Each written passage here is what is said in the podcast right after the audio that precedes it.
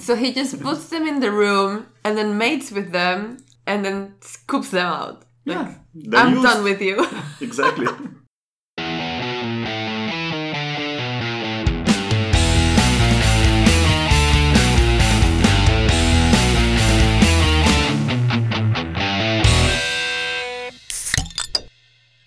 Hello, listeners, ladies and gentlemen.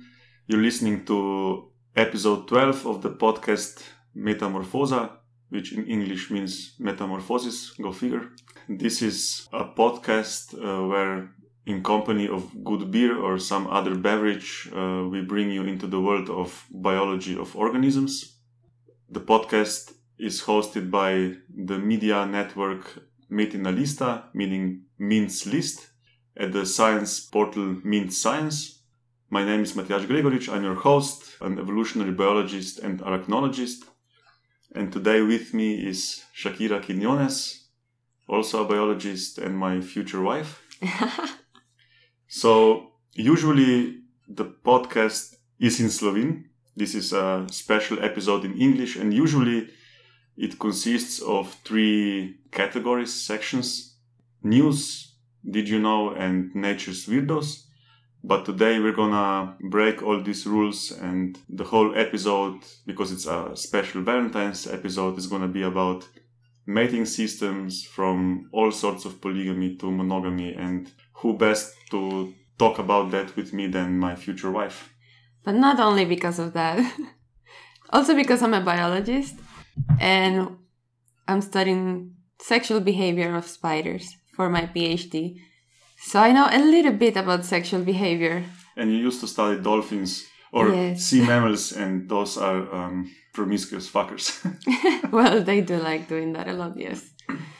yeah, so let's start. Okay, So I'm gonna start with polygamy, and you're gonna end with monogamy. of course.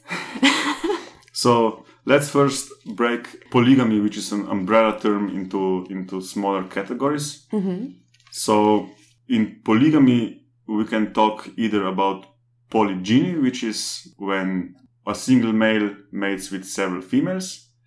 We can talk about polyandry, where a single female can mate can mate with several males, or we talk about polygynandry, where um, the bonds between anim- uh, between individuals are looser and everybody mates with several partners. And of course, there's um, there's many systems where one goes into the other, or there's borderline. Um, I don't know how to explain that. We'll we'll get through that with examples, I guess. Okay. So let's start with polygyny, where one male mates with several females. I'm sure that's your favorite. Isn't that everybody's favorite? no. So, so this is quite common. You can find it in insects, birds, many mammals, reptiles, and so on. And within polygyny, there's several other categories according to how males get to mate with several females. So I'm gonna start with uh, the so-called resource defense polygyny, which, as the name implies, means that um, the males compete for control over resources. The male who controls the more resources attracts more females, gets to mate with more females. So this is like the gangsters. No, they have all the money. okay, in this case, they have all the resources, and then females don't have any other option than just go with the males that have um, the Well, resources. yeah, females are attracted to resources or um, attracted to the male's power to control resources. Yeah. Um, so the first example I prepared of this resource defense polygyny is the European wool carder bee, with scientific name Anthidium manicatum. So this is a solitary bee species where males try to control parts of meadows with a lot of flowers on. So these males are highly aggressive. They mm-hmm. fight off rival males of the same species. They even fight off other pollinators, like they fight other bees and bumblebees and butterflies and beetles and everybody. so they're very aggressive then. They can even, yeah, they can even kill other pollinating species. That's how aggressive they are. So they try to control resources, which in this case are um, flowers that are a source of food for these bees. and the females simply go to whichever male has the most flowers. Yeah, so for for these systems to work, the resources needs to need to be clumped. It cannot be scattered, but they have to be distributed. Um, how do you say this? Um, when the resources are in patches, they're not um, spread around uniformly, but they're patches. So then there's a some sort of control. So, so then the, if the resources, in this case flowers, would be distributed more or less evenly on a meadow, males wouldn't control a smaller or larger share of this meadow? I think it's harder. I mean, at least for the system, not just the bees, but for this system to work, that the males control a patch, that it needs to be quite mm-hmm, patchy. Mm-hmm. Like the resource cannot be distributed okay, I evenly. I mean, yeah, yeah. makes sense. it, makes, it does make some sense. So Anyway, it doesn't just end here that um, these aggressive males would control more or less of, um, of a meadow and bigger or smaller patches of flowers. They're even aggressive towards females. So once a female gets into their territory, they forcefully try to mate with her repeatedly. They try to immobilize her, hold her down, stuff like that. Oh. Yeah, so they basically fight off other males and try to force mate with females. Vicious okay. little fuckers.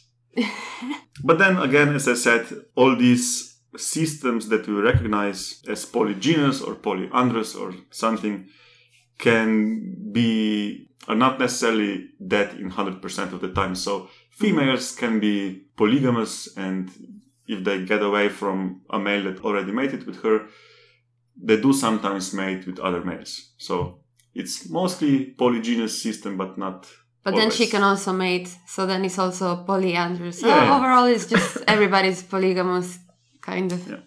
And if you wonder what happens with uh, males that lose fights, mm-hmm. these weak males just wait at the periphery of uh, the territories of um, stronger males and wait if there might be a female passing by to try to force mate with her.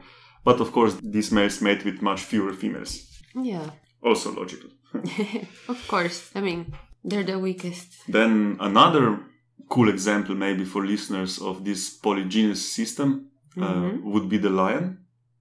Oh yeah. Yeah. So typical uh, groups of lions, which we call prides. Mm-hmm. So a group of lions is a pride. Consists of so the core of the group are the five to six females, but then there's one to two males typically. Yeah. And these males mate with females. So why I chose the lion is also because here we find some other conflicts. So again, it's not strictly only a polygynous system. Also, mm-hmm. females can mate with more than one male. But if a male can force the female to females to mate only with him, he will do it. But then males fight for fight for uh, being the leaders, the kings of the of the pride. So a male can rule the pride for several years, but once he's overthrown, if this overthrown male had currently has cubs mm-hmm. in the in the pride, the new king of the pride will kill the babies to make uh, the females want to mate with him. Yeah, and in this example, the males don't actually have to control the resources. Actually, the females are the ones that look up for their food, but then the males are the ones who control territory in that case, or not. Well, the males. No, the males control the territory. The males fight over the territory with uh, okay. the males of the rival prides, for example. So in this case, could be like a territory. But, but females also fight. So the females That's also true. don't let uh, other females into the pride. Mm-hmm. but also, it's kind of like sec- sexual selection. Like the females decide to be with the stronger males it's better for them to be with a stronger male because then their offspring will also be successful. yeah, but the females don't take part in uh, the the fight for reign of the males. Whichever male wins is the head of the pride. Yeah, so but the, it's, so it's beneficial for. Well, yeah, yeah, yeah, yeah.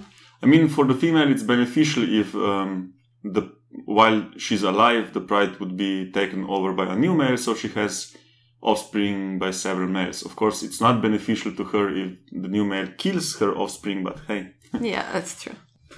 So yeah, so then other examples of polygyny would also be horses, baboons, and these are also known to harass um, females with offspring or even pregnant females. Yeah, infanticide is very common in mammals actually. Yeah, but in baboons, baboons even harass pregnant females so long that they uh, abort so they can mate with them. I think I heard the same case about dolphins. I am not 100% sure, so don't take my word for it and, you know, look it up, but I have heard that dolphins do that. Okay, maybe we'll look up a dolphin video and put it into the notes of the podcast. anyway, let's continue to the next um, to the next subsystem of polygyny, or how will we call it, harems. Oh yeah. So harems can get to be in two ways. So either females can group together for defense, and then one male takes control of this group, or they can be herded together by the male. So then there's strong competition between males for this for, for the control over these females, and that actually reminded me of um, the the harems that humans had, for example, in the Ottoman Empire, where they to really be sure that this uh, this harem of women will be of one sultan, they even had eunuchs. So Yeah. slave boys they made eunuchs and grew up into men to guard this harem of females and by making them eunuchs they made sure that um, these slaves will not hump the, the, the women in the harem Yeah. So harems we find in again all sorts of animals um, in insects like beetles and grasshoppers um, to fish like hawkfish cichlids um, lizards birds pheasants for example are an, are an example of a bird species that have has harems Really? I didn't Yeah. know that. then mammals of course uh, red deer elephant seal fruit bats Yeah. uh, primates baboons that i mentioned before Also the walruses. It's a marine mammal, the one that these has the tusks. uh-huh Yeah. So the one with the big tusks, they have harems, and the weaker males, when they try to come find a female, they just have to sneak in to try to copulate. yeah if that's, they cannot that's fight. like that's like elephant seals i wanted to talk about Oh, yeah. elephant seals as an example so so i wrote out down some facts So the males called bulls fight for supremacy on these beaches of, with, where there's a lot of females. Um, so yeah so a high ranking bull can have up to a hundred cows in his harem. And each one only has one little one per mating season. So if you are one of these weak males uh, waiting at the periphery to sneak in and mate with one female, you get one Yeah. one cup from that. But if you're uh, Yeah, the, the, the king of the harem, you can have fifty or up to hundred. Yeah. I wonder what that would do to the to the genetic variation of the population. But that's another topic. Yeah. Remember, that's a podcast for the general public. I know, I know. Just go ahead. Keep going. So yeah, this uh, so yeah, these high-ranking bulls uh, fight off. These fights are very vicious and bloody. They rarely end in death, but they look very uh, brutal. We're gonna put a video Fight again. Yeah, and they so they they fight for who who's the king, but then they also they see another bull mating. They go there, they interrupt the mating. Sometimes when they when they fight, they they squish the offspring on the beach and stuff like Oh that. Oh my god. Yeah. Okay. So another example that I chose for the harems is um, from the insect world. This is a kind of a cricket genus. Um, it's the genus Hemideina, and the common name is tree weta, W-E-T-A. Um, they're found in New Zealand.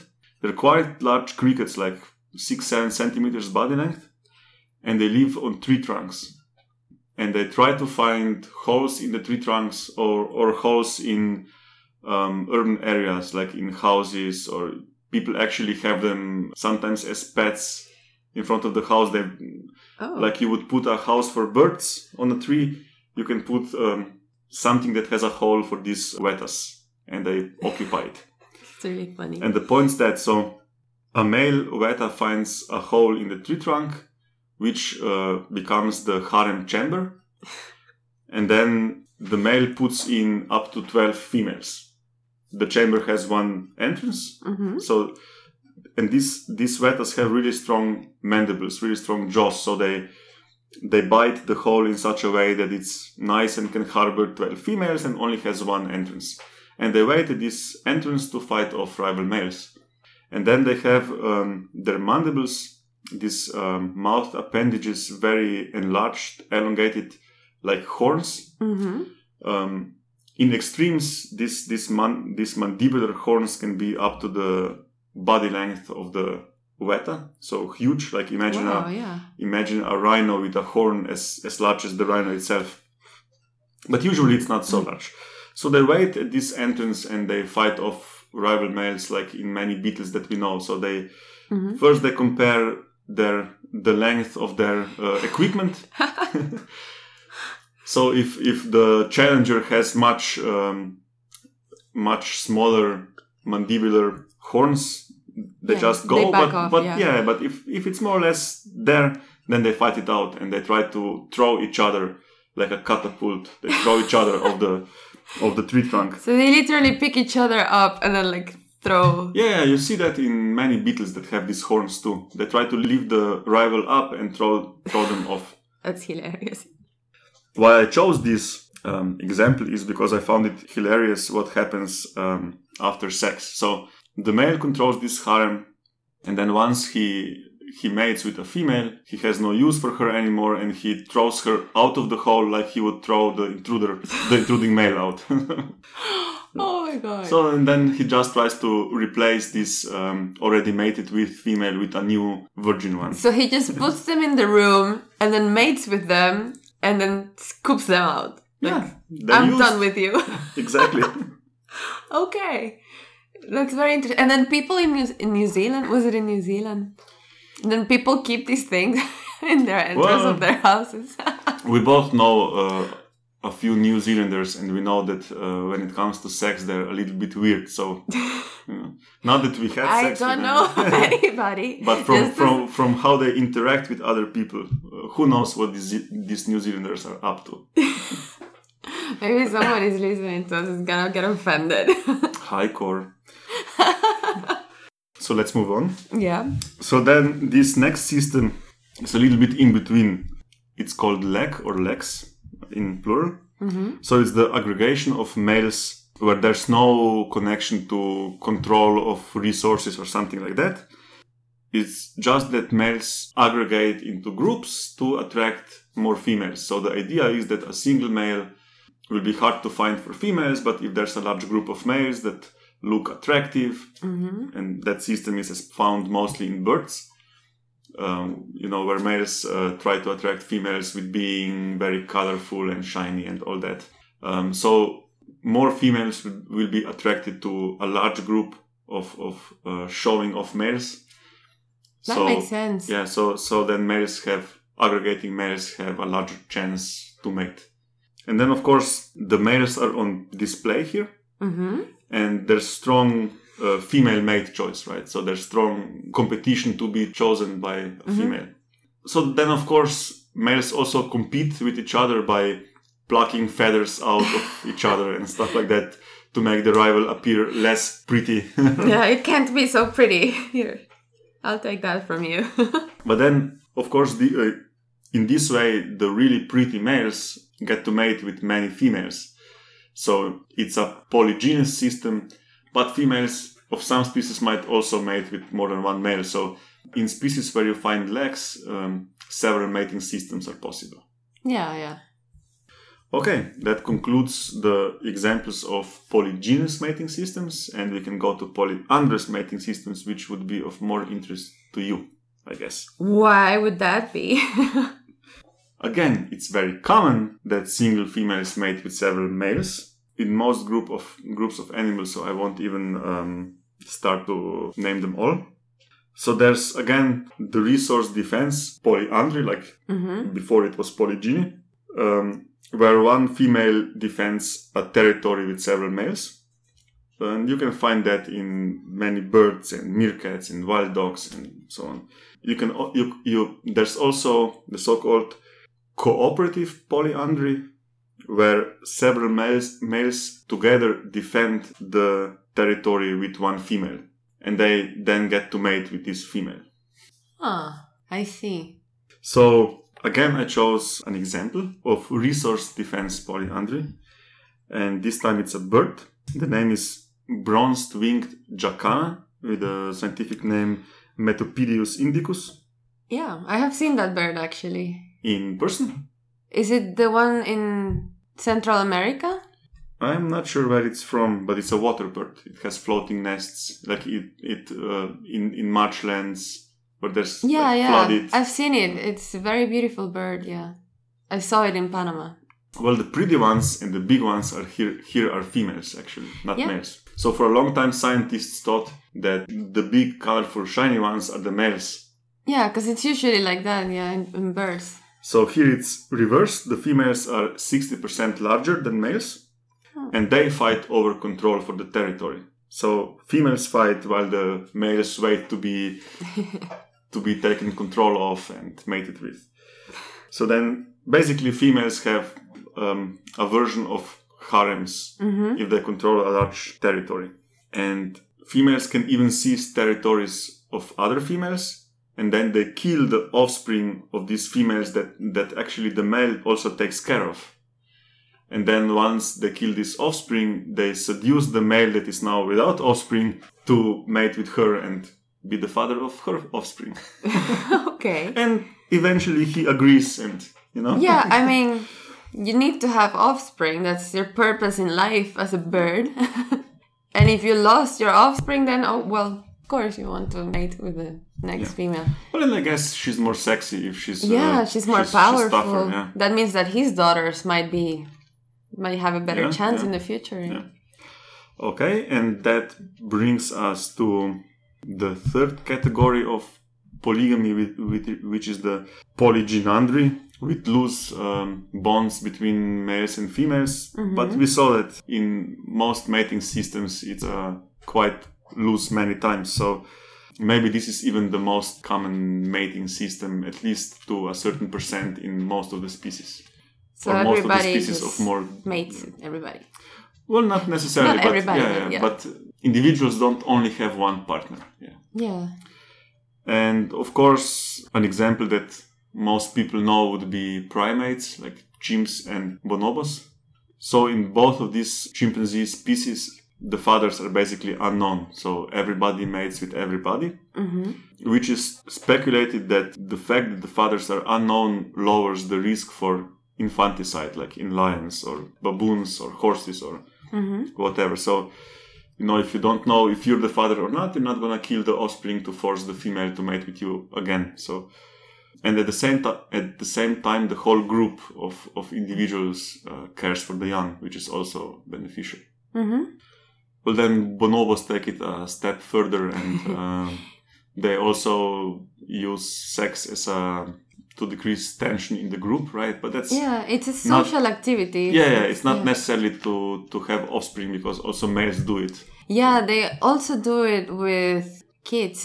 How do you say? Yeah, yeah, they also do it with their own offspring, actually. Yeah, it's like for bonobos, sex is just a like a social interaction, and they have it's mostly like genital rubbing Yeah, and penis fencing but- and things like this. But in both of these species, I think the mothers have also been observed to mate, like regularly mate with their sons that are of age, oh, which then, of course, like lowers the fitness. Yeah, lo- lowers the fitness of their offspring, I guess. But anything goes in bonobo Anything goes, societies. Yeah.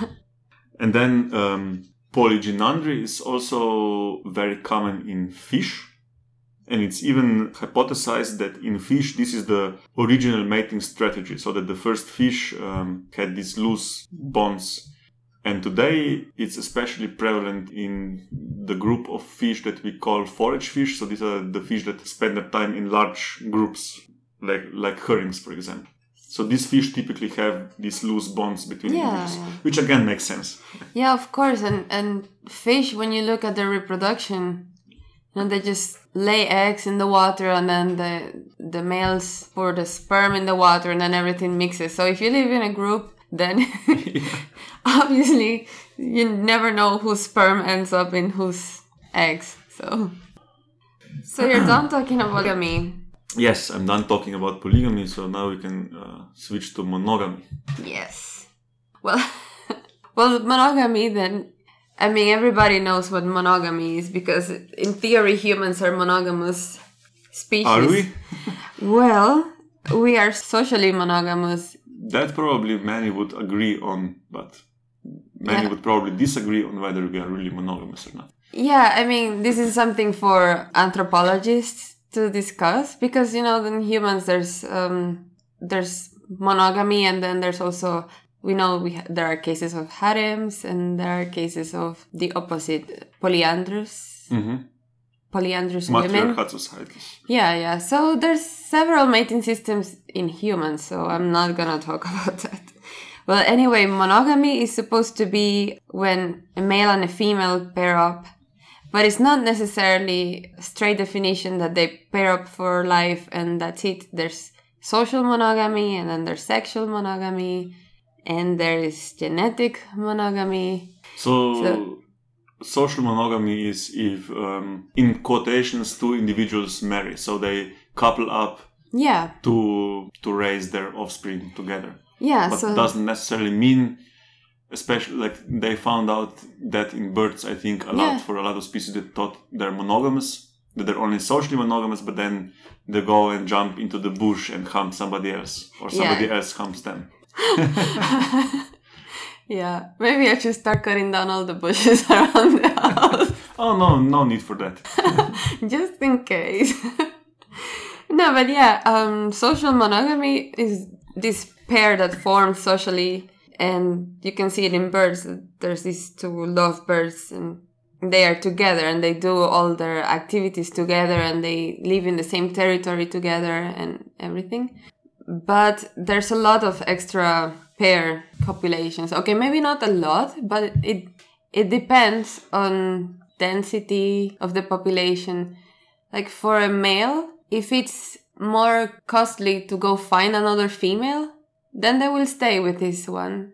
So if there's if there's not a lot of females around, then you know they're more um, monogamous.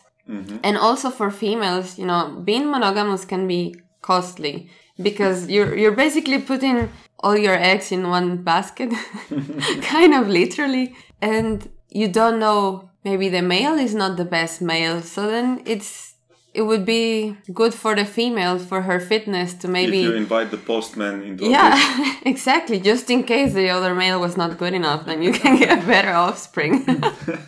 So yeah, these extra pairs copulations happen, but then officially they're monogamous, socially monogamous species. officially. Officially. I was once told by um, a behavioral biologist that maybe we should, in these cases, we should talk about mating systems in the sense like this system is 30% Yeah. polygamous or 70% monogamous or something like that. So that's Yeah. to be more accurate. Because like complete monogamy apparently is very, very rare. Yeah, it is. It is very rare. Um, for example, in penguins, the you know the emperor penguins, Yeah. they are serial monogamers. Mm-hmm. they're mono- monogamous 85% of the time so you know we always look at these um, images of penguins and the fathers caring of their young and everything but once the the chicks grow to be independent then the pair kind of breaks up and then they find another mate for the next mating season mm-hmm. the season 80% So they're seasonally monogamous. I mean, they find a mate, they have their babies, and then when they're done raising their young, then they can find another mate. But it, it's they stay with their own partner. I think eighty five percent of the time, but then they they can still find somebody else. It's mm-hmm. almost like humans in that sense. Yeah, we're serial. I mean, I am a serial monogamer. You know, I have one boyfriend and then break up, and then the next boyfriend. And then, but it's okay. I'm done here. Um, I read about gibbons. gibbons are even more human-like. Um, these are the primates with long arms, and they uh, swing the trees very efficiently. Oh, yeah, these, like- these primates. So they couple together, they have offspring. They both they share um, the household tasks, so they both they both raise the offspring. They um, spend quality time together. They groom each other. They vocalize together. Like whether you find that talking or singing together doesn't matter. yeah. Uh, and they mostly, or in many cases, spend their whole life as a couple. Mm-hmm. But then, you know, not every relationship is perfect. So then they sometimes they cheat on each other. Some couples then break up and remarry quotation marks again. So yeah, that's quite human-like. Mm-hmm. Um, so I read a website about that, and then for the end of the article, they speculated whether if you would give these gibbons um, smartphones, if they would also use Snapchat and what is that? Um, that application? Tinder. Tinder. Yeah. Tinder works like like a lek. You know, you have a lot of attractive people that you can look up. You know, they're all there advertising themselves. yeah. um, with um, how do we call that in biology? Not necessarily honest signals. So Yeah. yeah. sometimes the appearance on these apps is not what um, what the reality is. Yeah. Yeah, you need to. Dishonest signaling in biology can can backfire, Yeah, definitely. Or it can bring you benefits. Yeah. Well, basically, um, monogamy, 100% monogamy is almost non existent in nature. But there's one species, it's like a rodent, it's called the prairie vole. And that's one of the most monogamous species. And they found that what makes them so monogamous is a hormone called vasopressin. What they did to investigate this was that they took this hormone and then they put it in a very similar species, like a probably sister species of these voles that was polygamous. And then when they put this hormone, the unfaith, unfaithful voles would become monogamous. so it's a strong, very strong correlation of this hormone that makes them monogamous. And also oxytocin, it's a hormone that we we have as humans. They call it the love hormone because it's the one um, involved in attachment. It's in- affection in general, yeah. Not Yeah. only like it can be between siblings or mother or pa- parents and children. yeah exactly. yeah, Yeah. relatives, friends. Yeah. They also use it to induce labor, actually.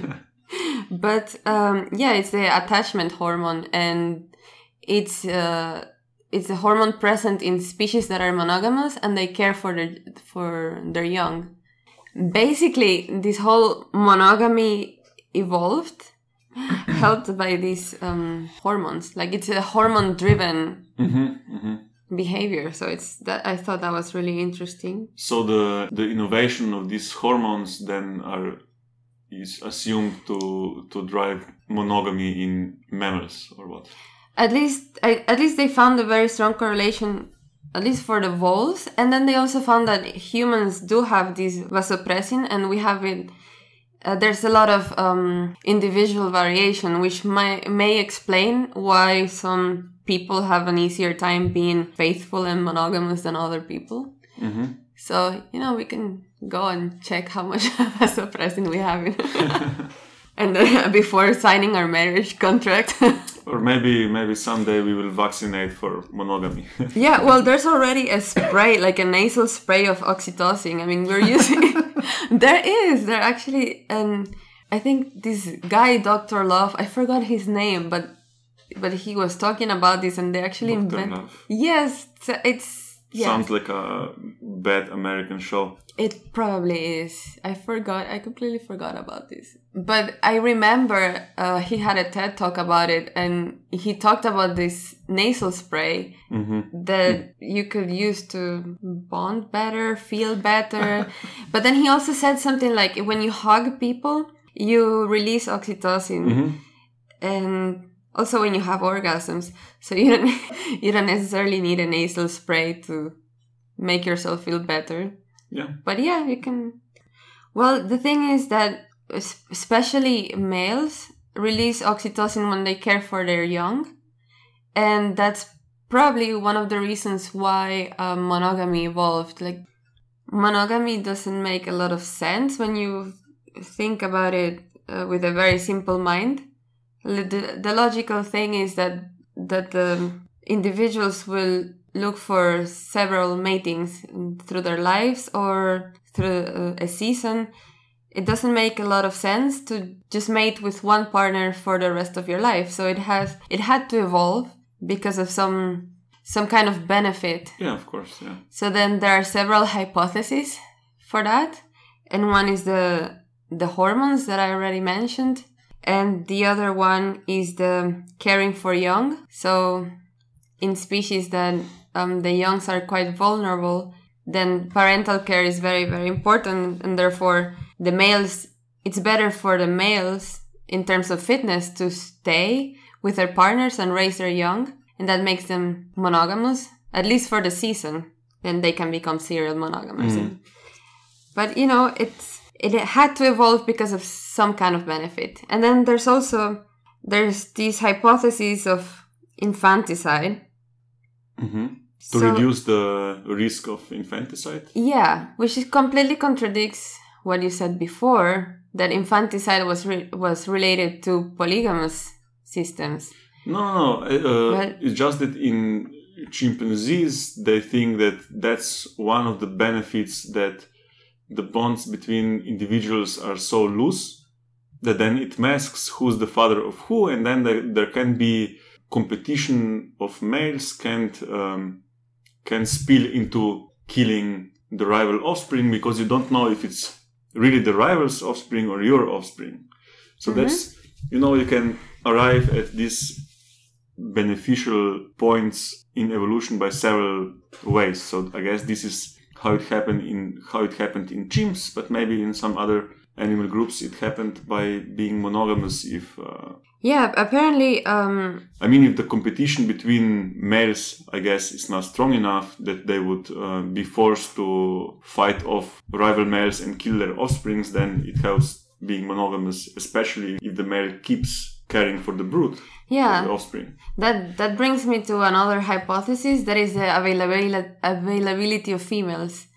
So, um, if you have a lot of females in the population, then you might be a bit less monogamous, at least sexually or genetically. You ca as a male, you can mate with several females. Then there's obligatory monogamy when there's not a lot of females around. and then you kind of have to stay with a partner that you selected. So that's, you know, the Indri? hmm I don't have the scientific name, but Indri Indri. Indri Indri, yeah, yes, that's exactly. name. Yeah, that's the I'm not sure if that's the largest lemur. In Yeah, in Madagascar, yeah. It, it used to wake me up every morning at uh, half past six or seven when I was working there. Well, these Indri actually are obligatory monogamous. No, I didn't know that. Yeah. So then there are other monogamous species, if in case people are interested in knowing. There's a rodent. It's always rodents. It's either birds or yeah, it's uh, monogamy is mostly found in birds and mammals. Uh, there's not a lot of examples in. yeah, it has to be it has to be animals that I think caring for the offspring has a big. Uh, there's all. It's also in fish. It's in fish where uh, both parents protect the eggs and the offspring because in fish, you know, this this little fish that hatch, they are tasty food for for many many animals. So it's Yeah, yeah. beneficial to pr- to protect them or have so many that some will survive to adulthood. Yeah. So there is fish that are monogamous, especially the cichlid family. I think has many monogamous examples. Yeah. So going back to the rodent, the name is Pacaranas. It's a rodent from the Amazon. It's quite big actually. The scientific name is Dinomys branickii. So that's one example. And actually, there's not a lot of examples No, of monogamy. no. It's, Mostly, most mating systems are polygamous. Yeah. yeah, and even the monogamous ones that we know there's mostly um, social monogamy and Or serial monogamy. Yeah. or serial monogamy and you know when we talk about lifelong partners there's only very few species that does that hmm and us We're we're only animals too. So yeah exactly okay. Anything else to add? no Okay. i mean so it, happy valentine's day this was the most romantic um date. Although we're recording this one day ahead of the Valentine's Day. in our dining room, and there are no candles, and I cannot have alcohol. but I do. Yeah, so You know, um, we, we, we have a deal after all. You eat for two, I drink for two. yeah, Okay, thank you for not only agreeing to cooperate in this podcast, but even suggesting it. yeah. I'm I'm really sorry that I can't speak Slovene. Well, now all the English listeners that we attracted to listen to this podcast have an excuse to learn Slovene and listen to the rest of the podcast. Of course, because it's such a useful language. it is. If you have another person speaking it, you have a secret language with that person. That's true. Only 2 million of people speak it. I promise that I will learn Slovene because my kid is going to be half Slovene and I cannot have my kid having a Secret language with you. That's not allowed. So I promise and then maybe one day I can participate again in Slovene. Okay, so I would like to, for the end, I would like to thank all the listeners for listening and sticking to the end. And if you like what you hear, you can give a rating on iTunes if you have iTunes. If you like it too much, you can even donate. There's a donate button on Metinalista. That's www.metinalista.si, phonetically written, which I, I guess I would have to spell out. Anything else? no, thank you for having me in our dining room. I actually enjoyed this experience. I've seen you doing it all the time. And Yeah. Okay. I'm part of Thank it. you very much. Bye. Bye.